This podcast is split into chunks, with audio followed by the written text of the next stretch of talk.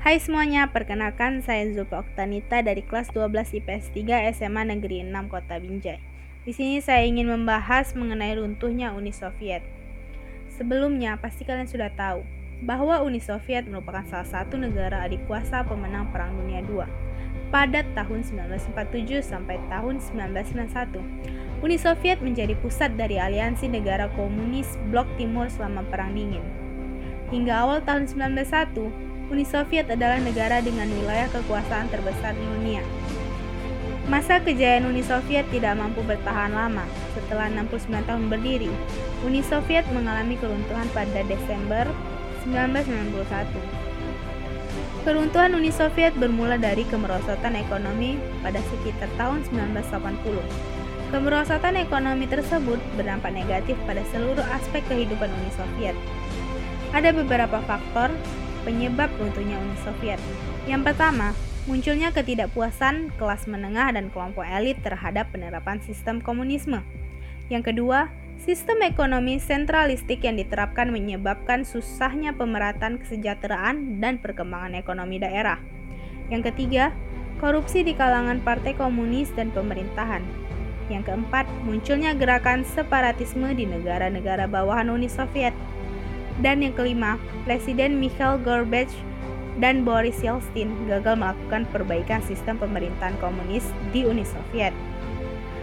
Keruntuhan komunisme dan Uni Soviet diawali oleh kebijakan Glasnost dan Perestroika oleh Mikhail Gorbachev.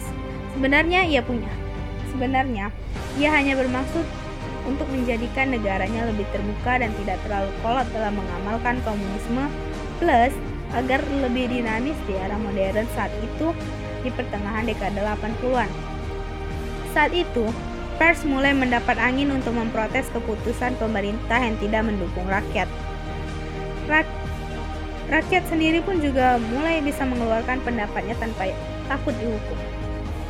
Pengaruh budaya luar juga mulai masuk negara tersebut.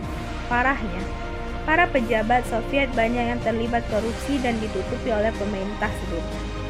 Hubungan dengan Amerika Serikat dan negara barat lebih harmonis. Inilah yang menjadi awal komunisme memudar. Karena melunaknya Soviet, negara-negara di Eropa Timur mulai bergolak menolak komunisme hingga akhirnya runtuh. Soviet pun kian rapuh dari luar dan dalam karena kebijakannya sendiri sebelum bubar di tahun 91. Uni Soviet memberikan dampak yang masif bagi aspek sosial, ekonomi, dan politik dunia. Ada beberapa dampak runtuhnya Uni Soviet. Yang pertama, berakhirnya perang dingin antara blok barat dan blok timur. Yang kedua, muncul 15 negara baru di kawasan Eropa Timur. Yang ketiga, menandai kehancuran sistem komunisme di dunia. Dan yang keempat, menimbulkan krisis ekonomi di kawasan Eropa Timur. Baiklah demikian podcast mengenai runtuhnya Uni Soviet. Saya pamit undur diri. Dadah bye-bye.